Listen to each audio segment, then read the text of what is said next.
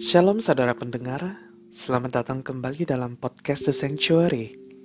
Episode kali ini saya beri judul Living the Purpose. Nah, sesuai dengan judulnya, dalam episode kali ini saya akan membahas tentang tujuan, lebih khusus pada tujuan saudara dan saya selama kita berada di dunia ini. Segmen pertama dalam episode kali ini cukup berbeda karena hanya akan dilakukan pembahasan secara singkat ya, dan lebih banyak berupa devosi ringan dari saya secara pribadi. Sehingga hal ini membuat segmen kali ini berbeda dengan segmen awal pada episode-episode sebelumnya.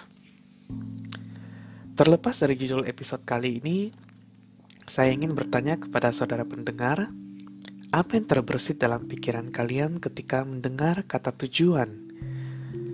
Kalau saya secara pribadi mendengar kata tujuan, secara otomatis saya akan langsung membayangkan beberapa destinasi liburan ya. Soalnya ketika mendengar kata tujuan, saya langsung teringat pada aplikasi pemesanan tiket pesawat, di mana dalam aplikasi tersebut ada kolom asal dan ada juga kolom tujuan. Tapi tentu saja kolom tujuan dalam aplikasi tersebut jika diterjemahkan dalam bahasa Inggris berbeda meaningnya dengan tujuan yang akan dibahas dalam episode kali ini. Walaupun secara meaning berbeda, tetapi kedua hal ini memiliki kesamaan, yaitu tujuan tersebut harus dicapai agar kita dapat menjalani hidup yang lebih bermakna. Pada umumnya, ketika kita berbicara tentang tujuan hidup, kebanyakan orang-orang akan berpendapat bahwa tujuan hidup adalah hal-hal yang esensi atau mendasar dalam diri manusia yang harus dicapai agar dapat bertahan hidup di dunia ini. Setiap orang harus memiliki tujuan, sekecil apa pun itu. Namun, yang menjadi masalah adalah tidak sedikit orang mengalami kebingungan pada saat mencari tujuan hidupnya, dan pada akhirnya menjalani hidup yang seadanya saja. Ya, let it flow gitu aja ya.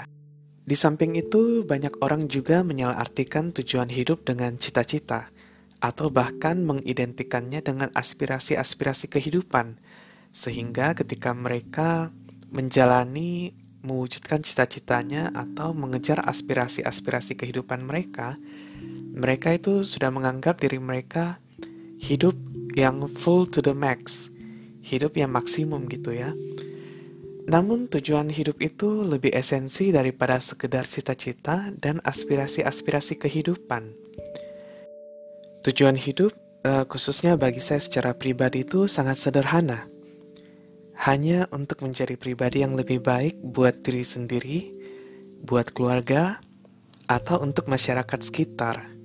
Ya, kalau punya hati yang lebih besar, mungkin tujuan hidup kita atau tujuan hidup saya secara pribadi akan menyerupai Bunda Teresa gitu ya, yang sampai selfless untuk melayani orang-orang di India tapi untuk sederhananya, lebih baik tujuan hidup kita itu diarahkan untuk kegiatan-kegiatan yang membangun, kegiatan-kegiatan yang dapat membuat pribadi kita menjadi orang yang lebih baik lagi. Berikut ini ada beberapa tips and trick yang menarik perhatian saya ketika merenungkan tentang tujuan hidup. Saya ambil dari situs studiilmu.com. Ya, ini ada beberapa tips and trick ya. Yang pertama adalah jauhi media sosial untuk sementara waktu. Mengapa? Karena kecenderungan kita ketika berhadapan dengan media sosial, kita itu menjadi penasaran dengan kehidupan orang lain, sehingga kita melupakan hidup kita dan tujuan hidup kita yang paling penting. Yang kedua adalah, sebelum mencari tujuan hidup yang tepat, ada beberapa pertanyaan yang sangat ampuh yang dapat membantu kita untuk menemukan tujuan hidup kita yang tepat. Pertanyaan-pertanyaan tersebut adalah ada tiga ya. Yang pertama, apa legacy yang ingin saya tinggalkan untuk orang-orang yang ada di sekitar saya? Yang kedua, apa yang akan orang lain katakan tentang saya ketika saya sudah tidak ada lagi di dunia ini? Yang ketiga, apa perbedaan yang harus saya buat dari kehidupan orang lain. Apa yang membuat kehidupan saya itu berbeda dengan kehidupan orang lain? Kita harus menjawab tiga pertanyaan ini dengan sangat jujur dan terbuka pada diri kita sendiri. Dengan menjawab pertanyaan-pertanyaan tersebut, kita dapat menentukan tujuan hidup kita dengan tepat dan sebaik mungkin.